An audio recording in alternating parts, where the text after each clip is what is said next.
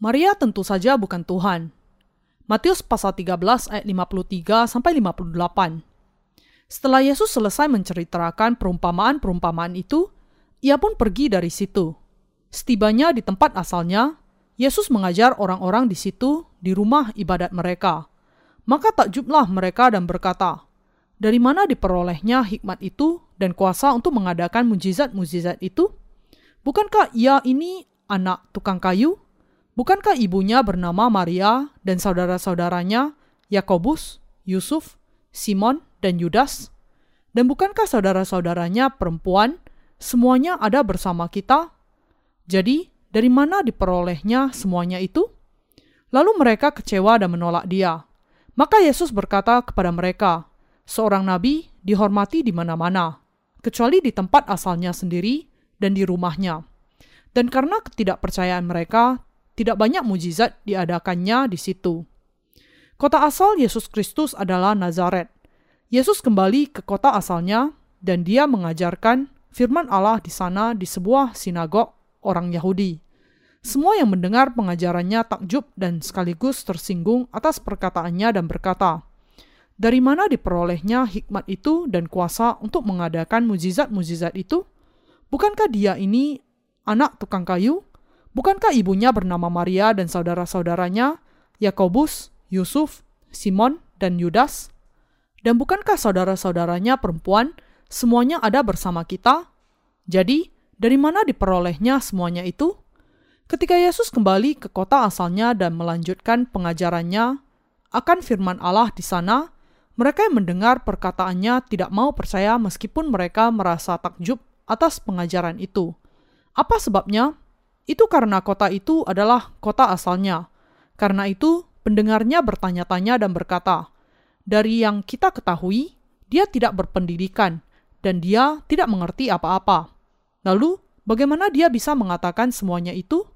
Itulah sebabnya mereka mengabaikannya dan tidak mau percaya kepada perkataan Yesus.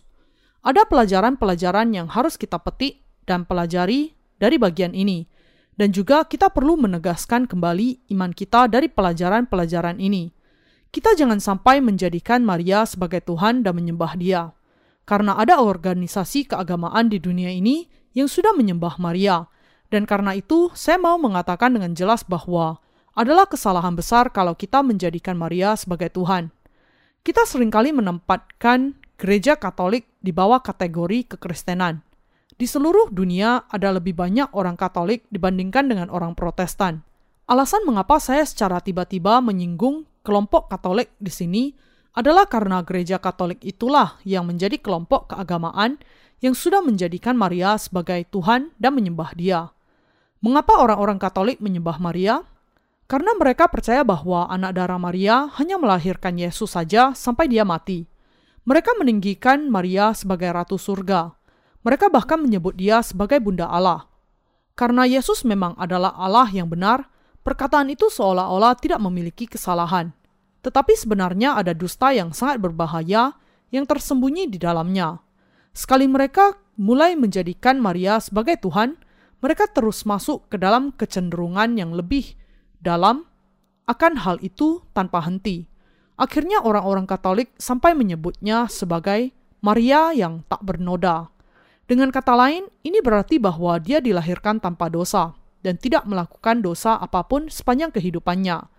Jadi mereka bahkan menyangkal bahwa dia melahirkan anak yang lain dari Yusuf, suaminya setelah dia melahirkan Kristus. Kalau memang demikian, dari mana asalnya saudara-saudara laki-laki dan saudara-saudara perempuan Yesus yang disebutkan di dalam bagian kitab suci tadi? Ide yang sama sekali tidak alkitabiah ini sudah dikonsolidasikan dengan tindakan yang sama tidak alkitabiahnya, seperti penampakan Maria di Fatima, Portugal di awal abad ke-20. Di sini saya mau mengutip sebagian dari penjelasan di dalam sebuah dokumen Katolik. 15 tahun setelah penampakan di Fatima, Maria menampakkan diri kepada anak-anak di Belgia, yaitu di Baneuk dan Beauraing. Keduanya adalah penampakan terakhir Maria yang mendapatkan pengesahan dari Roma. Bunda kita menampakkan diri kepada lima orang anak di Beauraing. Fernandes, Gilberte, Albert, Andrew, dan Gilbert. Dalam 32 kali penampakan sejak 19 November 1932 sampai 3 Januari 1933. Pada tanggal 21 Desember 1932, bunda kita memperkenalkan diri kepada anak-anak itu. Akulah anak darah yang tak bernoda. Anak-anak itu melihat ada hati yang terbuat dari emas di dada Maria. Pada tanggal 3 Januari 1933, dia mengatakan kepada Andrew, Aku adalah Bunda Allah, Ratu Surga. Berdoalah senantiasa. Apa pendapat Anda tentang hal ini? Orang-orang Katolik sekarang percaya bahwa Maria dibangkitkan pada saat dia sedang tidur dan bahwa dia naik ke surga sebagaimana anaknya. Semua doktrin ini tujuannya adalah menuhankan Maria, berusaha menyamakan statusnya dengan anaknya. Tetapi hal itu sangatlah jauh dari kebenaran. Kita jangan sampai menuhankan Maria. Maria adalah seorang Yahudi yang lahir dari suku Yehuda. Dia adalah seorang gadis muda biasa dari antara suku Yehuda.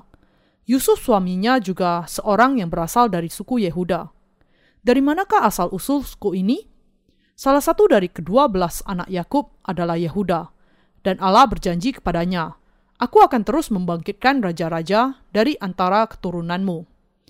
Sesuai dengan janji ini, Yesus Kristus dilahirkan ke dunia ini sebagai raja segala raja melalui suku Yehuda.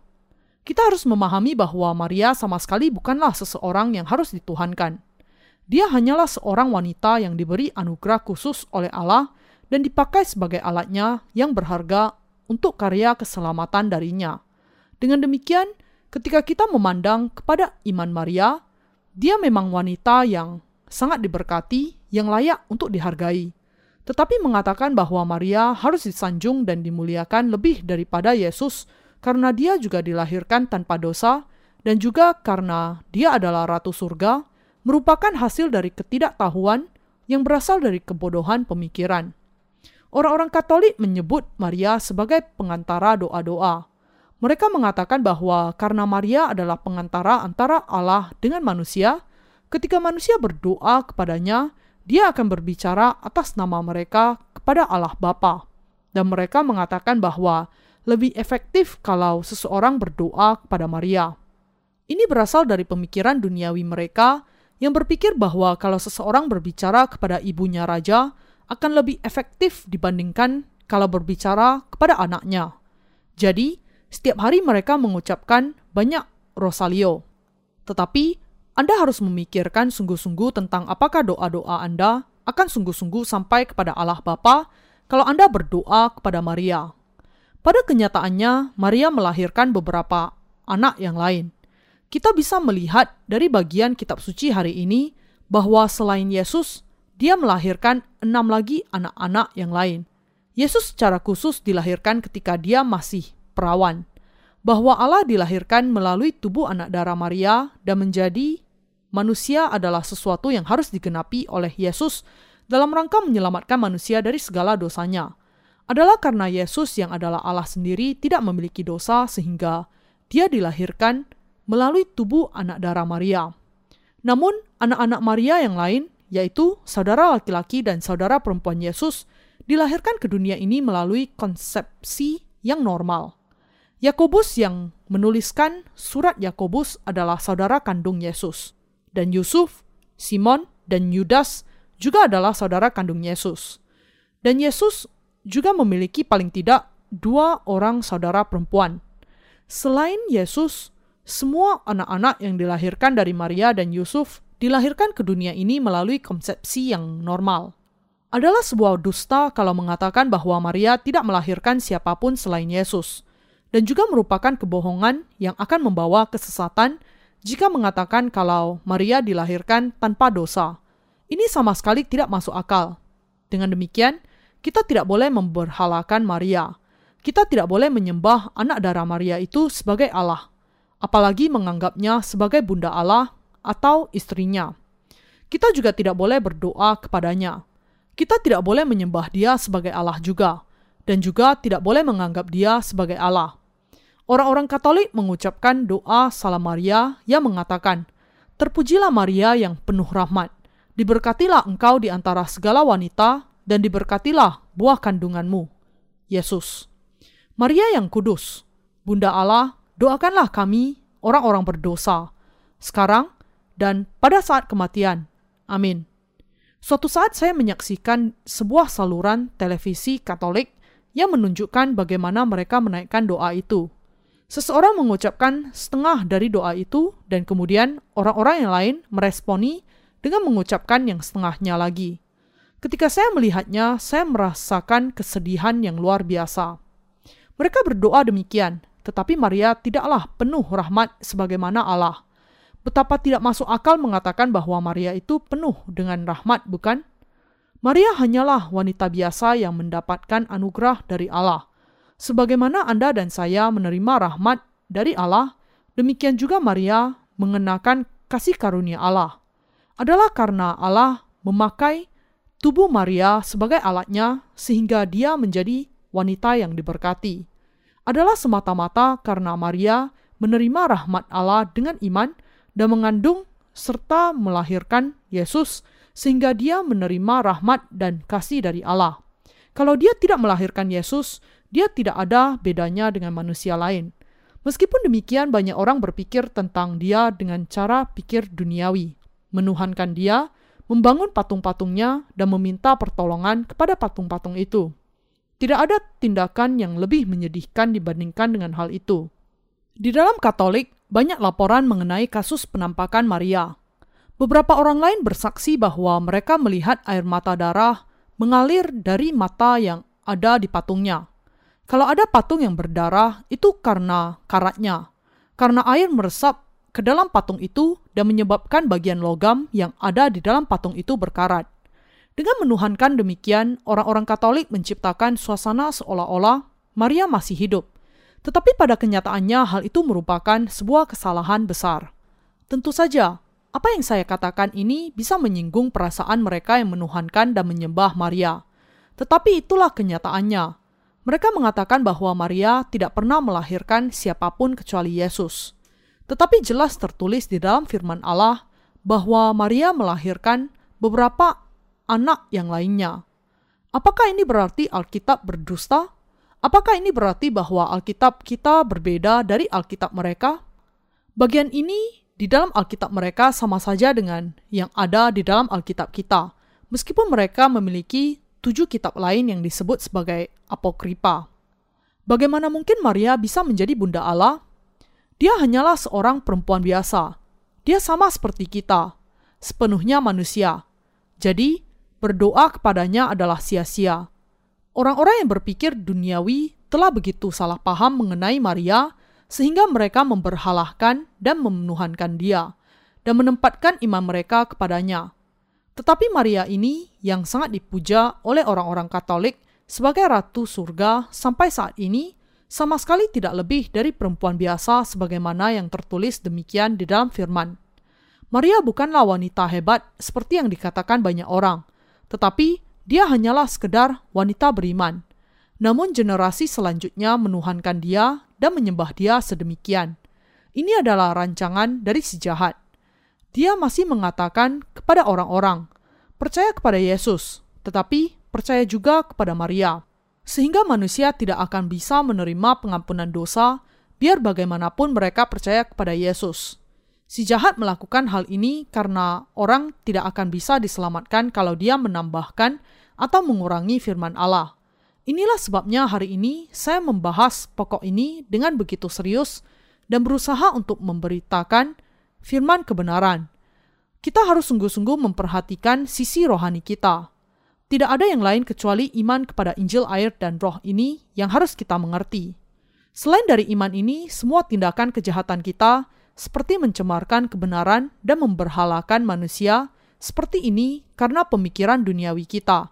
Hanya akan menjadikan kita sebagai musuh Allah dan karena itu kita tidak boleh membiarkan hal yang demikian terjadi. Karena gereja Katolik senantiasa menutupi kenyataan bahwa Maria melahirkan juga beberapa anak lain selain Yesus Kristus, orang-orang Katolik sungguh-sungguh berdoa kepada Maria dan dengan demikian tersesat lebih jauh lagi adalah karena mereka tidak percaya kepada firman dan bahkan mengikuti pikiran duniawi mereka sajalah, yang kemudian membuat mereka semua binasa demikian. Ketika Anda dan saya menjalani kehidupan iman kita, kalau kita tidak percaya berdasarkan firman Allah, maka kita juga akan menghadapi hasil yang demikian. Apa yang disetujui oleh Alkitab adalah sesuatu yang disetujui. Dan kalau Alkitab mengatakan bahwa Allah sudah menyelamatkan kita dengan air dan roh, maka dia memang sudah menyelamatkan kita dengan air dan roh. Jangan sampai kita menafsirkannya secara sembarangan berdasarkan kepada pemikiran kedagingan kita saja. Kita jangan sampai memberhalakan atau merendahkan seseorang selain dari apa yang dikatakan Alkitab. Kehidupan iman kita haruslah berpusat kepada firman. Kita sedang memberitakan Injil kepada dunia. Bahkan kita sekarang sudah mempersembahkan seluruh kekuatan kita untuk memberitakan Injil ini. Rekan seiman yang terkasih, ketika Anda dan saya memberitakan Injil air dan roh, tugas apakah yang dipercayakan kepada kita masing-masing dalam pekerjaan kita? Apakah kita mempersembahkan usaha kita untuk pekerjaan ini? Kalau kita tidak mau mempersembahkan seluruh kekuatan kita untuk melakukan pekerjaan ini, beberapa masalah yang tidak masuk akal bisa dengan gampang muncul dan melelahkan kita. Anda adalah para pekerja Injil, dan saksi-saksi yang memberitakan Injil ke seluruh dunia. Zaman sekarang ini adalah zaman yang paling baik untuk memberitakan Injil. Kalau kita tidak memberitakannya sekarang, harus mempertaruhkan nyawa kita untuk menyebarkannya nanti.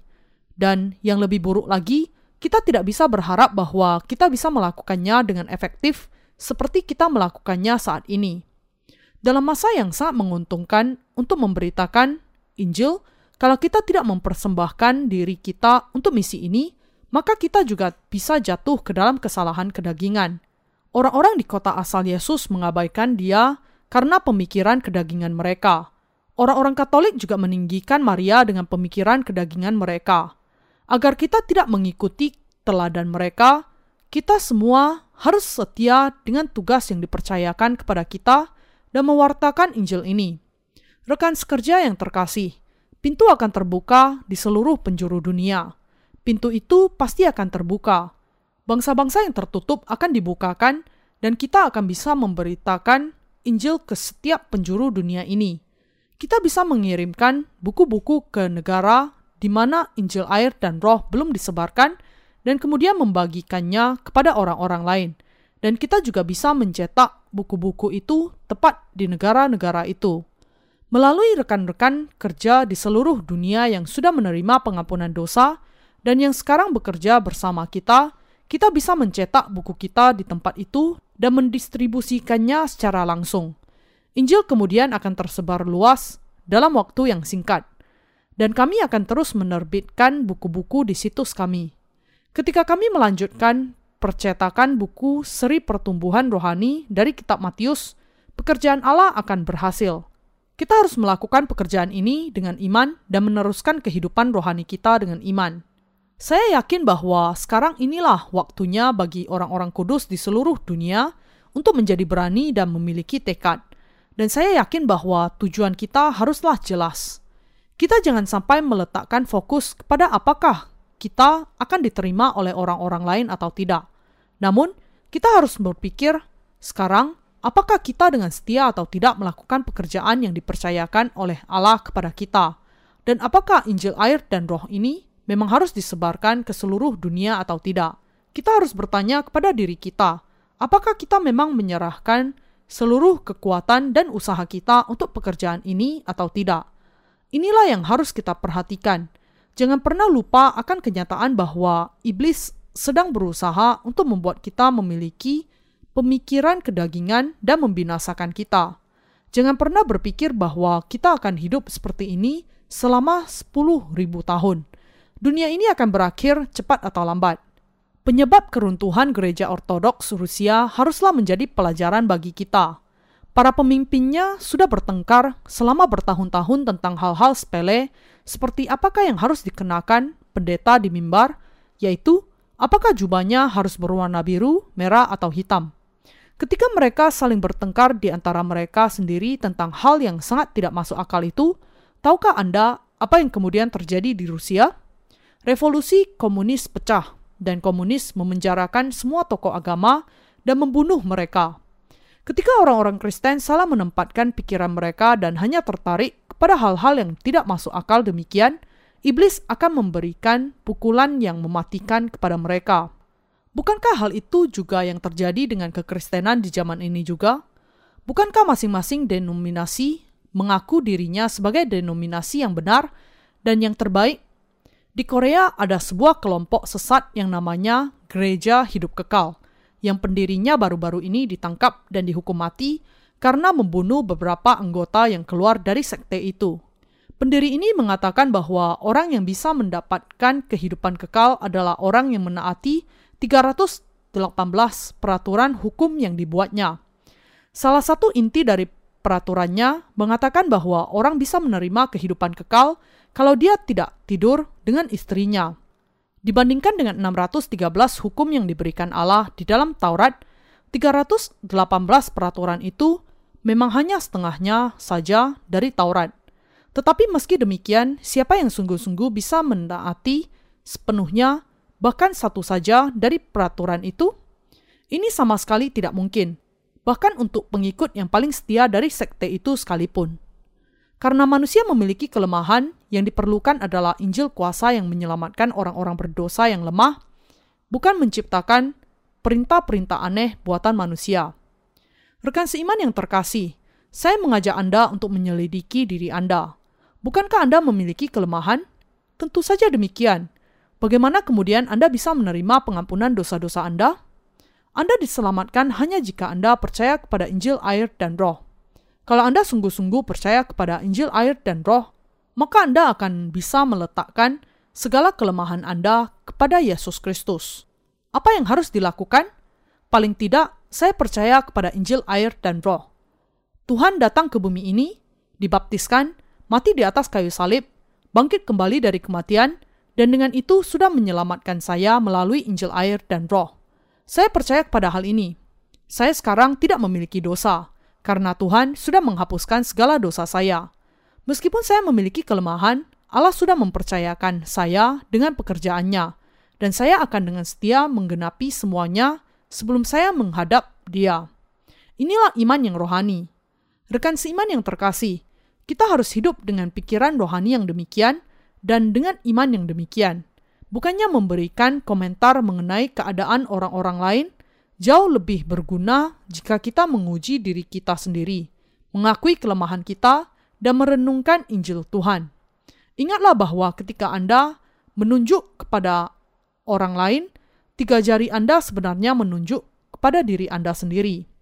Kita harus ingat bagian Alkitab yang mengatakan, "Tetapi jikalau kamu saling menggigit dan saling menelan, awaslah, supaya jangan kamu saling membinasakan.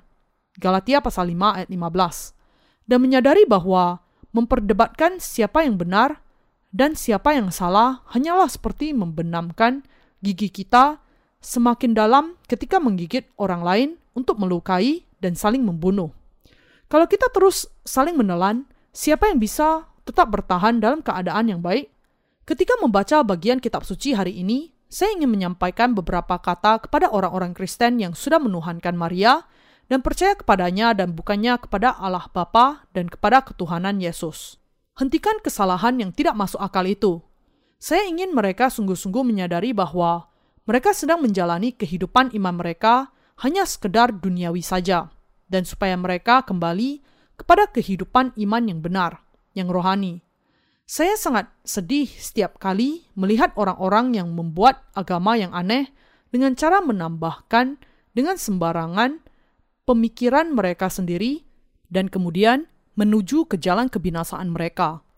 Kita harus percaya kepada kebenaran yang dinyatakan di dalam Alkitab sebagaimana adanya, karena firman mengatakan bahwa Allah sudah menghapuskan segala dosa kita dengan Injil air dan roh, kita harus percaya dengan cara demikian sebagaimana yang dinyatakan.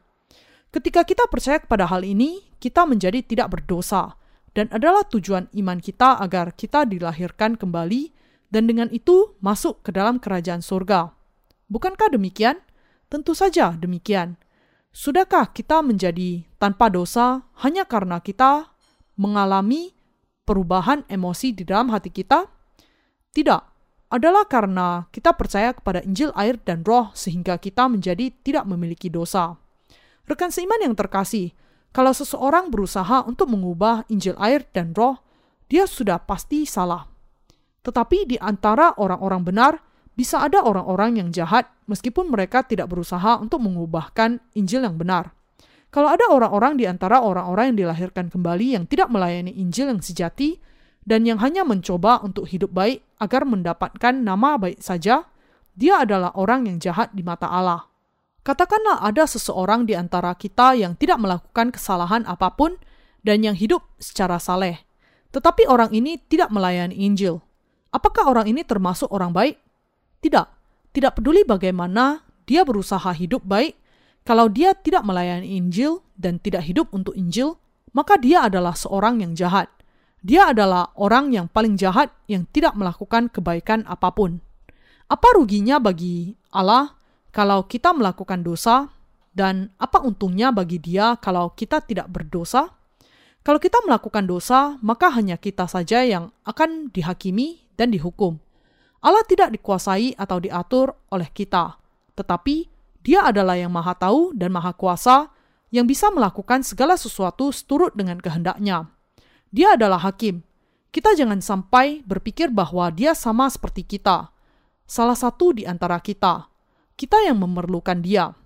Apakah karena kita hidup benar sehingga kita dibenarkan? Tidak, sama sekali tidak. Adalah karena kita percaya kepadanya sehingga kita menerima pengampunan dosa adalah karena Dia sudah menghapuskan dosa kita dengan Injil air dan Roh sehingga kita diselamatkan, dan adalah karena kita percaya kepada kebenaran ini sehingga kita menjadi tidak memiliki dosa. Hidup benar tidak berarti bahwa kita akan lebih diubahkan lagi secara rohani. Ketika kita melayani Injil, kita secara rohani diubahkan dan iman kita bertumbuh. Kalau kita tidak melayani Injil ini, tidak akan ada keuntungan apa pun bagi kita, dan kita tidak akan menjadi lebih baik sama sekali. Kalau Injil air dan roh diambil dari kita, tidak akan ada lagi iman yang benar di dalam kita, atau dalam hal ini, tidak ada lagi iman sama sekali. Mari kita bayangkan di sini bahwa Anda tidak lagi mau berjuang untuk melayani Injil dan bahkan Anda kemudian mengejar urusan kedagingan Anda sendiri. Apa yang kemudian akan terjadi? Anda akan dengan segera menjadi cemar hati Anda akan langsung menjadi busuk, sebagaimana belatung berkeriapan di bangkai tikus. Ketika hati Anda kemudian mati dan membusuk, bau busuk itu akan menyebar. Tubuh Anda, tindakan Anda, pikiran Anda, perasaan Anda akan memancarkan bau busuk yang menjijikkan. Apakah Anda setuju? Hal yang sama juga berlaku untuk saya. Saya juga akan berbau busuk menjijikkan kalau saya tidak melayani Injil ini. Kalau saya tidak dilahirkan kembali, saya tidak akan mau melayani orang-orang di dunia ini. Kalau kita tidak melayani Injil, kita akan menjadi demikian. Iman kita jangan hanya duniawi, tetapi rohani. Kita jangan sampai menjalani kehidupan kita menggunakan iman kedagingan. Dengan mengatakan bahwa Maria adalah istri Allah Bapa karena dia melahirkan Yesus adalah logika kedagingan. Bagaimana mungkin ini logika rohani? Bolehkah orang mengabaikan Yesus hanya karena dia berasal dari kota asalnya? Orang jangan sampai menuhankan Maria, dan jangan sampai orang meremehkan Yesus hanya karena dia berasal dari kota yang sama. Yesus adalah anak Allah. Dia pada dasarnya adalah Allah sendiri, dan dia adalah juru selamat kita. Meskipun demikian, banyak rabi Yahudi, yaitu para guru, yang mendengar firman-Nya dan mengabaikannya. Tidak peduli betapapun hebatnya guru itu, mereka tidak bisa berbicara seperti Yesus. Mereka tidak bisa membukakan rahasia keselamatan. Meskipun demikian, mereka tetap saja melawan Injil air dan roh dan menolak untuk percaya.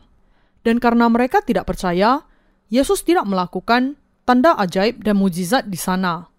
Hal yang sama berlaku untuk Anda dan saya juga. Kalau Anda tidak percaya kepada firman Allah ini, Tuhan tidak akan bekerja di dalam hati Anda adalah ketika Anda dan saya percaya kepada firman Allah dengan sepenuh hati, kemudian Tuhan akan bekerja di dalam hati kita.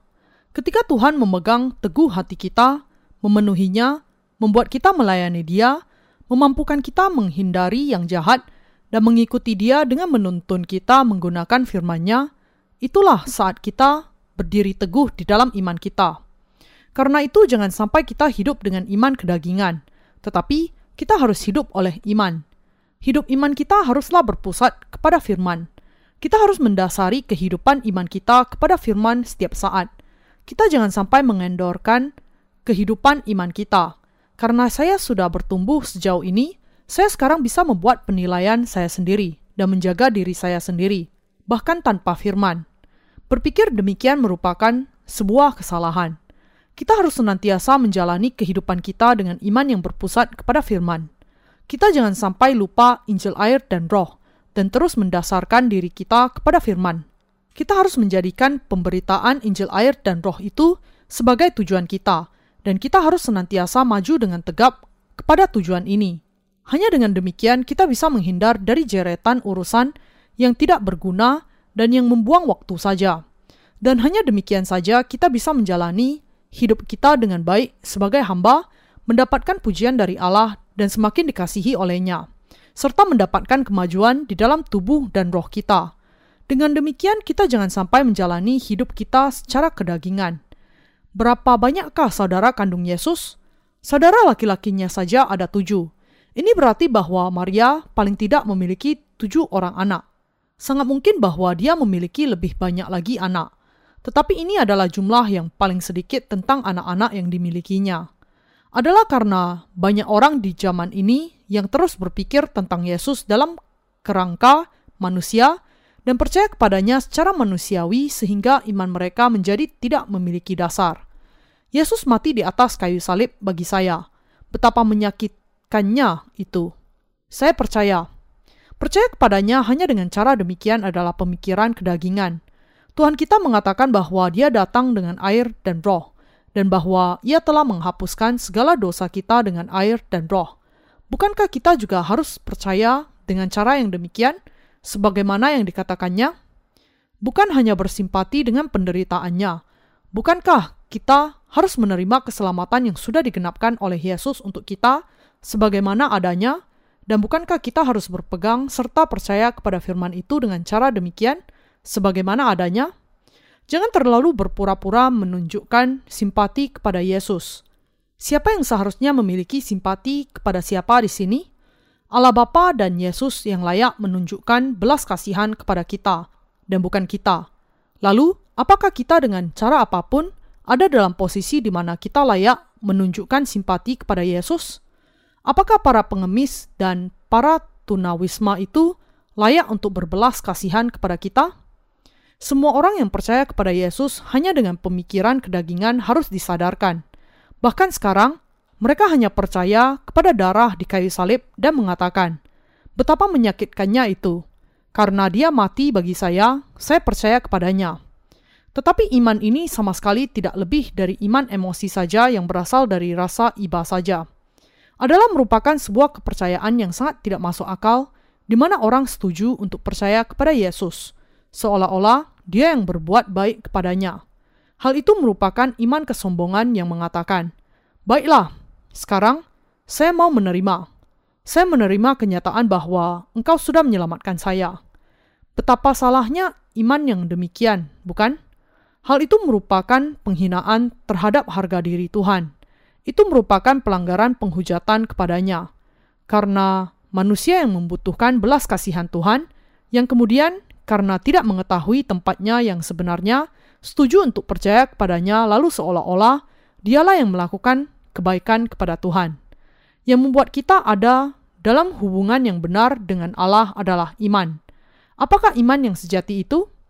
Memandang kepada karya keselamatan yang melaluinya, Allah sudah menyelamatkan kita dengan air dan roh, maka kita tidak mungkin tidak mengakui kebenaran kasihnya dengan penuh ucapan syukur. Dan karena Injil ini masuk akal bagi kita ketika kita memandangnya dari segi akal budi kita, kita tidak bisa tidak meninggikan Allah dan mengaku kepadanya. Aku percaya kepada apa yang engkau lakukan bagiku. Aku percaya kepada karya kebenaranmu. Inilah yang disebut iman. Memandang dengan penuh penghormatan kepada apa yang dilakukan Allah kepada kita dan percaya kepada hal itu adalah iman. Sebuah agama, sebaliknya, adalah sesuatu yang dibuat berdasarkan pemikiran manusia. Bukannya terikat dengan kelemahan Anda sendiri, Anda justru seharusnya merenungkan kebenaran bahwa Tuhan sudah menghapuskan segala dosa Anda dengan Injil, air, dan Roh, dan percaya kepada kebenaran ini. Bukankah dosa-dosa kita ditanggungkan kepada Yesus ketika Dia dibaptiskan di Sungai Yordan dan keluar dari air?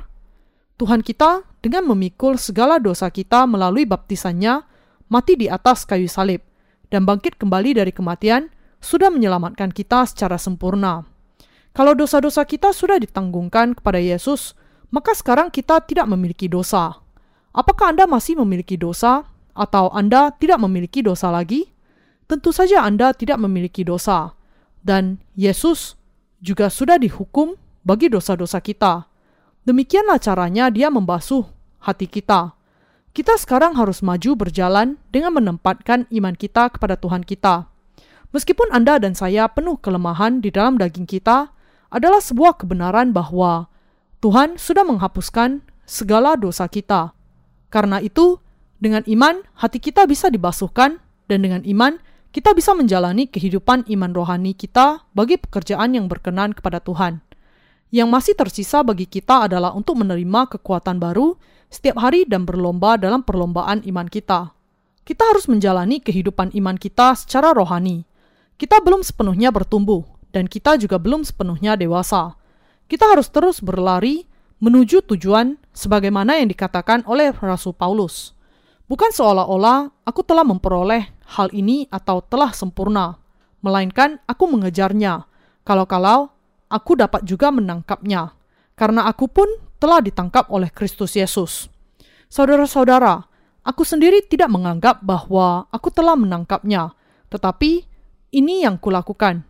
Aku melupakan apa yang telah di belakangku dan mengarahkan diri kepada apa yang di hadapanku dan berlari-lari kepada tujuan untuk memperoleh hadiah yaitu panggilan surgawi dari Allah dalam Kristus Yesus. Filipi pasal 3 ayat 12 sampai 14. Demikian juga, saya mau mengatakan kepada Anda semua dan kepada para pekerja kami di seluruh dunia, jangan mengeluh tentang ini dan itu. Setialah kepada apa yang sudah dipercayakan kepada Anda sekarang – kalau Anda bisa meluangkan waktu ketika Anda melakukan pekerjaan ini, pakailah itu untuk menguji diri Anda sendiri dan berdiri tegak di dalam iman Anda. Apakah yang membuat Anda berhak membicarakan apa yang dilakukan oleh orang-orang lain? Apakah mereka melakukan yang baik atau yang buruk? Semakin rajinlah di dalam waktu yang masih ada. Kita masih jauh dari tujuan kita untuk mendapatkan pahala berupa panggilan surgawi dari Allah dalam Kristus Yesus. Bisakah Anda menjadi kudus untuk berdiri di hadapan Allah hanya dengan kebenaran Anda sendiri? Bisakah Anda mencapai kekudusan yang demikian dengan tidak melakukan kesalahan di dalam perkataan dan tindakan Anda? Tidak mungkin. Melayani Tuhan adalah kekudusan itu. Bukanlah berpura-pura kudus yang akan membuat kita menjadi kudus. Hanya karena Injil sajalah kita bisa menjadi kudus. Adalah karena Injil sudah menghapuskan segala dosa kita sehingga kita sudah dibenarkan. Terus terang, kita tidak terlalu banyak berdoa ketika kita berkumpul bersama. Kita berdoa untuk pengabaran Injil di seluruh dunia dan untuk segala sesuatu yang kita lakukan untuk melayani Injil dengan setia dan efektif. Kemudian, kita para pekerja Allah menikmati makanan dan berbicara satu dengan yang lain dengan penuh sukacita. Karena kita bisa bertemu setelah bekerja keras, kita lalu menikmati makanan yang lezat dan memulihkan kekuatan kita. Kalau kita masih memiliki waktu lebih, kita akan keluar untuk bermain sepak bola. Kita disegarkan dengan melakukan semuanya itu dan kembali ke posisi masing-masing untuk melakukan yang terbaik di dalam melayani Injil kebenaran. Lalu, kita kembali lagi dan mengurus keluarga kita dan melakukan apa yang harus kita lakukan dengan kekuatan baru. Apakah ada yang sangat istimewa dengan semuanya itu? Apakah hal yang lain yang perlu kita lakukan? Selain dengan tekun dan setia melakukan pekerjaan yang sudah dipercayakan Allah kepada kita, kalau Anda tidak melayani Tuhan atau melayani Injil, apakah ada sesuatu yang bisa Anda lakukan yang akan membuat Anda menjadi kudus? Apakah Anda menjadi kudus kalau Anda mengasah pikiran Anda dalam meditasi yang dalam di sebuah gua? Bukannya menjadi kudus, Anda akan menjadi semakin kotor. Kalau seseorang menyendiri saja dan duduk berdiam diri tanpa melakukan apa-apa, maka hanya pikiran duniawi yang tidak berguna yang akan muncul di pikirannya. Rekan seiman yang terkasih, kita belum memberitakan Injil sepenuhnya. Masih sangat banyak yang harus dilakukan. Saya tahu bahwa ini sangat sulit bagi saya. Saya yakin bahwa Allah akan memberikan kekuatan kepada kita. Allah akan membuat kita semakin melayani Injil. Kadangkala kita terganggu oleh hal-hal di masa lalu, tetapi jangan sampai kita terikat oleh hal-hal yang sudah kita lakukan. Namun, kita harus memandang ke depan kepada tujuan panggilan surgawi dari Allah dalam Kristus Yesus. Paulus juga berusaha untuk melupakan apa yang di belakangnya dan berlari ke depan kepada apa yang ada di hadapannya.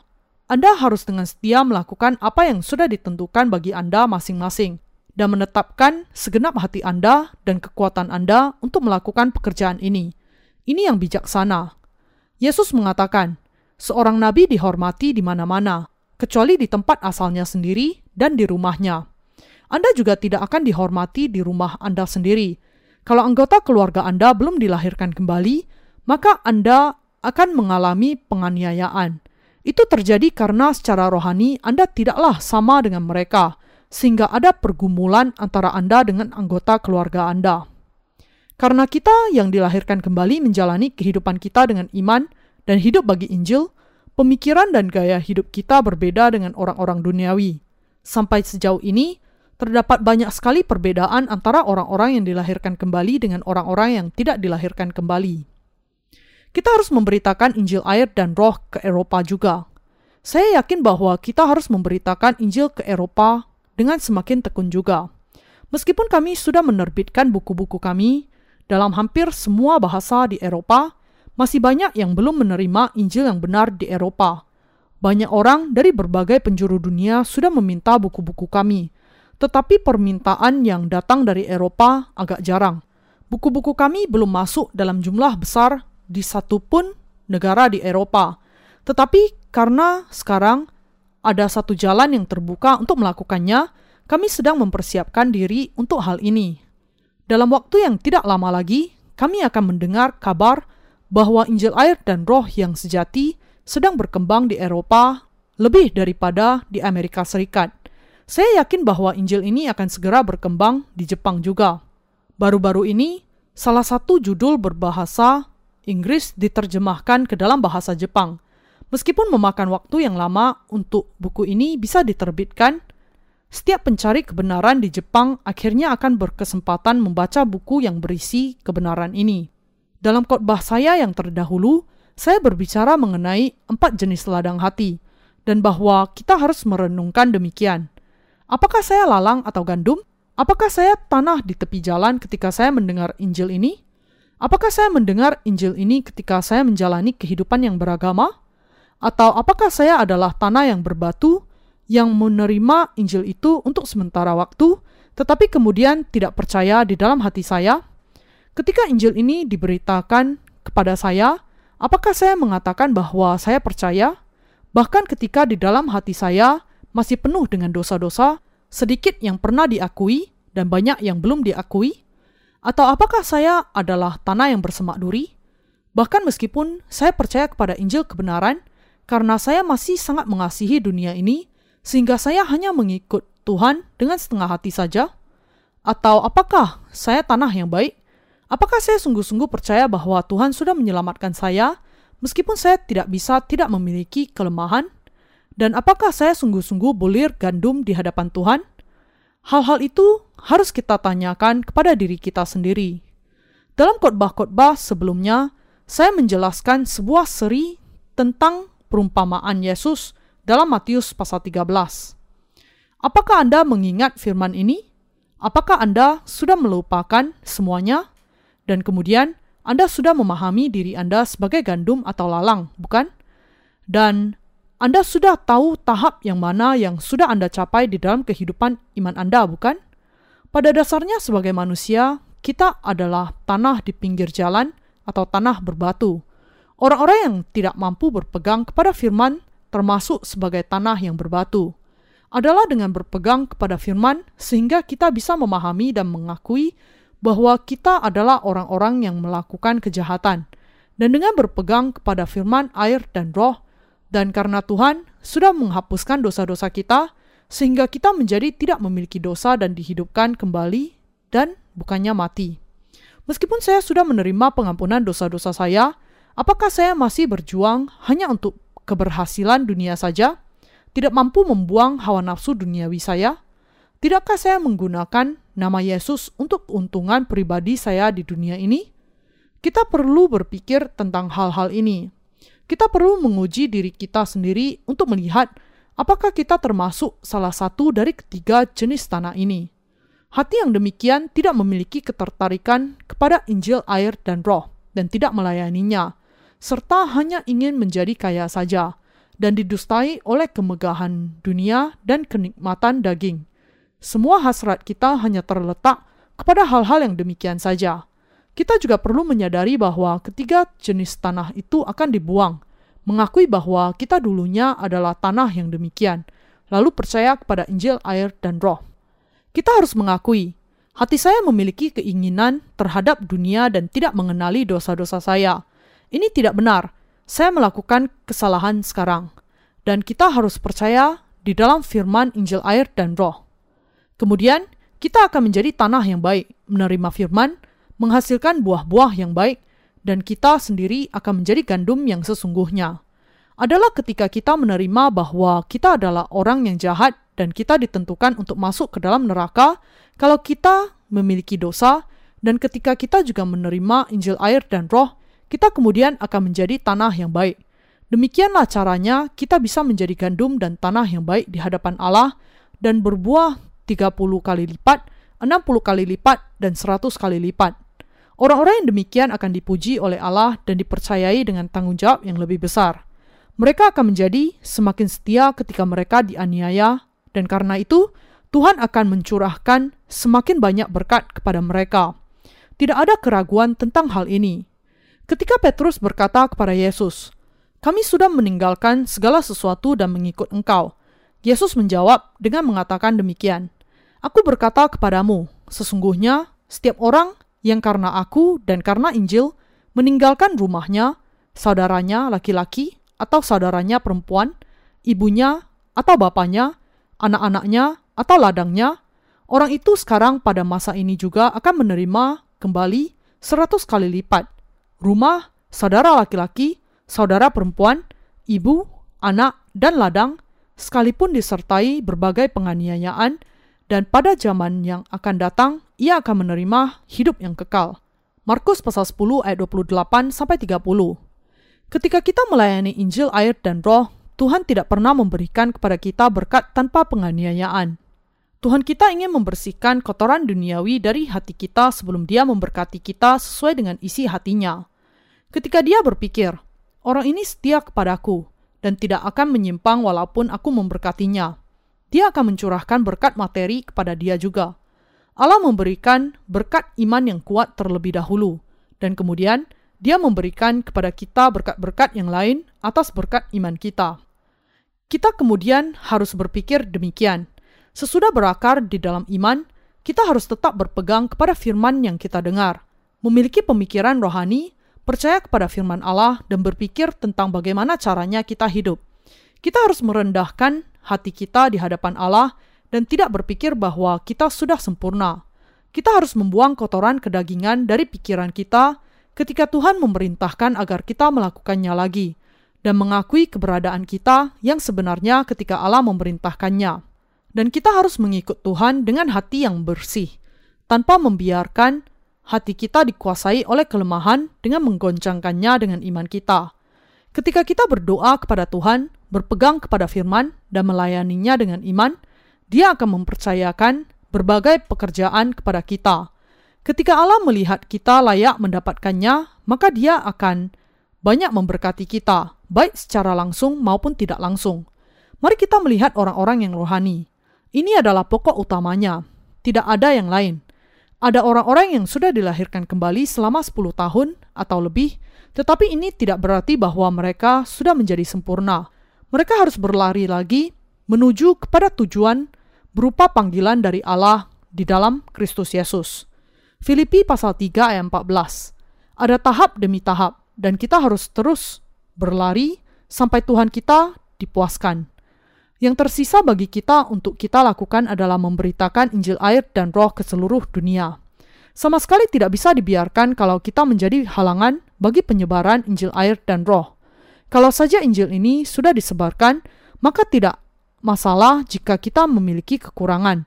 Dan hanya kalau kita percaya kepada Injil air dan roh, hidup bagi Injil ini berpegang teguh kepada firman Allah di dalam hati kita dan mengikutinya dengan iman, maka Allah juga akan mengatakan bahwa semuanya baik-baik saja. Namun, jika kita melibatkan diri kita dengan hal-hal yang tidak berguna dan saling bertengkar tentang hal-hal yang tidak ada artinya, Allah tidak bisa membiarkan hal yang demikian. Semua hal yang tidak berkaitan dengan pemberitaan Injil adalah membuang waktu saja. Kita harus melakukan segala sesuatu bagi penggambaran Injil air dan roh, sebagaimana yang tertulis. Jika engkau makan atau jika engkau minum, atau jika engkau melakukan sesuatu yang lain, lakukanlah semuanya itu untuk kemuliaan Allah. 1 Korintus pasal 10 ayat 31. Dan saya harus mengatakan bahwa orang-orang Katolik di dunia ini harus bangun dan menyadari keadaan mereka. Apakah mereka suka mendengar hal ini atau tidak? Kita harus mengatakan apa yang harus kita katakan. Mereka harus tahu bahwa Maria melahirkan enam anak selain Yesus. Adalah tugas seorang nabi untuk memampukan mereka menyadari kebenaran dari firman dan kemudian mengatakan, apa yang kita percayai itu keliru, semuanya itu salah. Maria adalah wanita biasa, tetapi dia diberkati ketika dia percaya kepada firman Allah. Kita juga ingin memiliki iman yang kuat seperti itu, karena inilah hal yang paling diberkati bagi orang-orang kudus yang dilahirkan kembali. Apakah orang mau mendengarkan kita atau tidak, kita para imam di zaman ini harus menjelaskan kepada mereka kebenaran firman Allah sebagaimana adanya, karena ada tertulis, sebab bibir seorang imam memelihara pengetahuan, dan orang mencari pengajaran dari mulutnya. Sebab dialah utusan Tuhan semesta alam. Maleaki pasal 2 ayat 7. Mari kita bersyukur kepada Allah dan menyerahkan seluruh kekuatan kita untuk melayani Injil. Mari kita menjalani kehidupan iman yang rohani. Haleluya!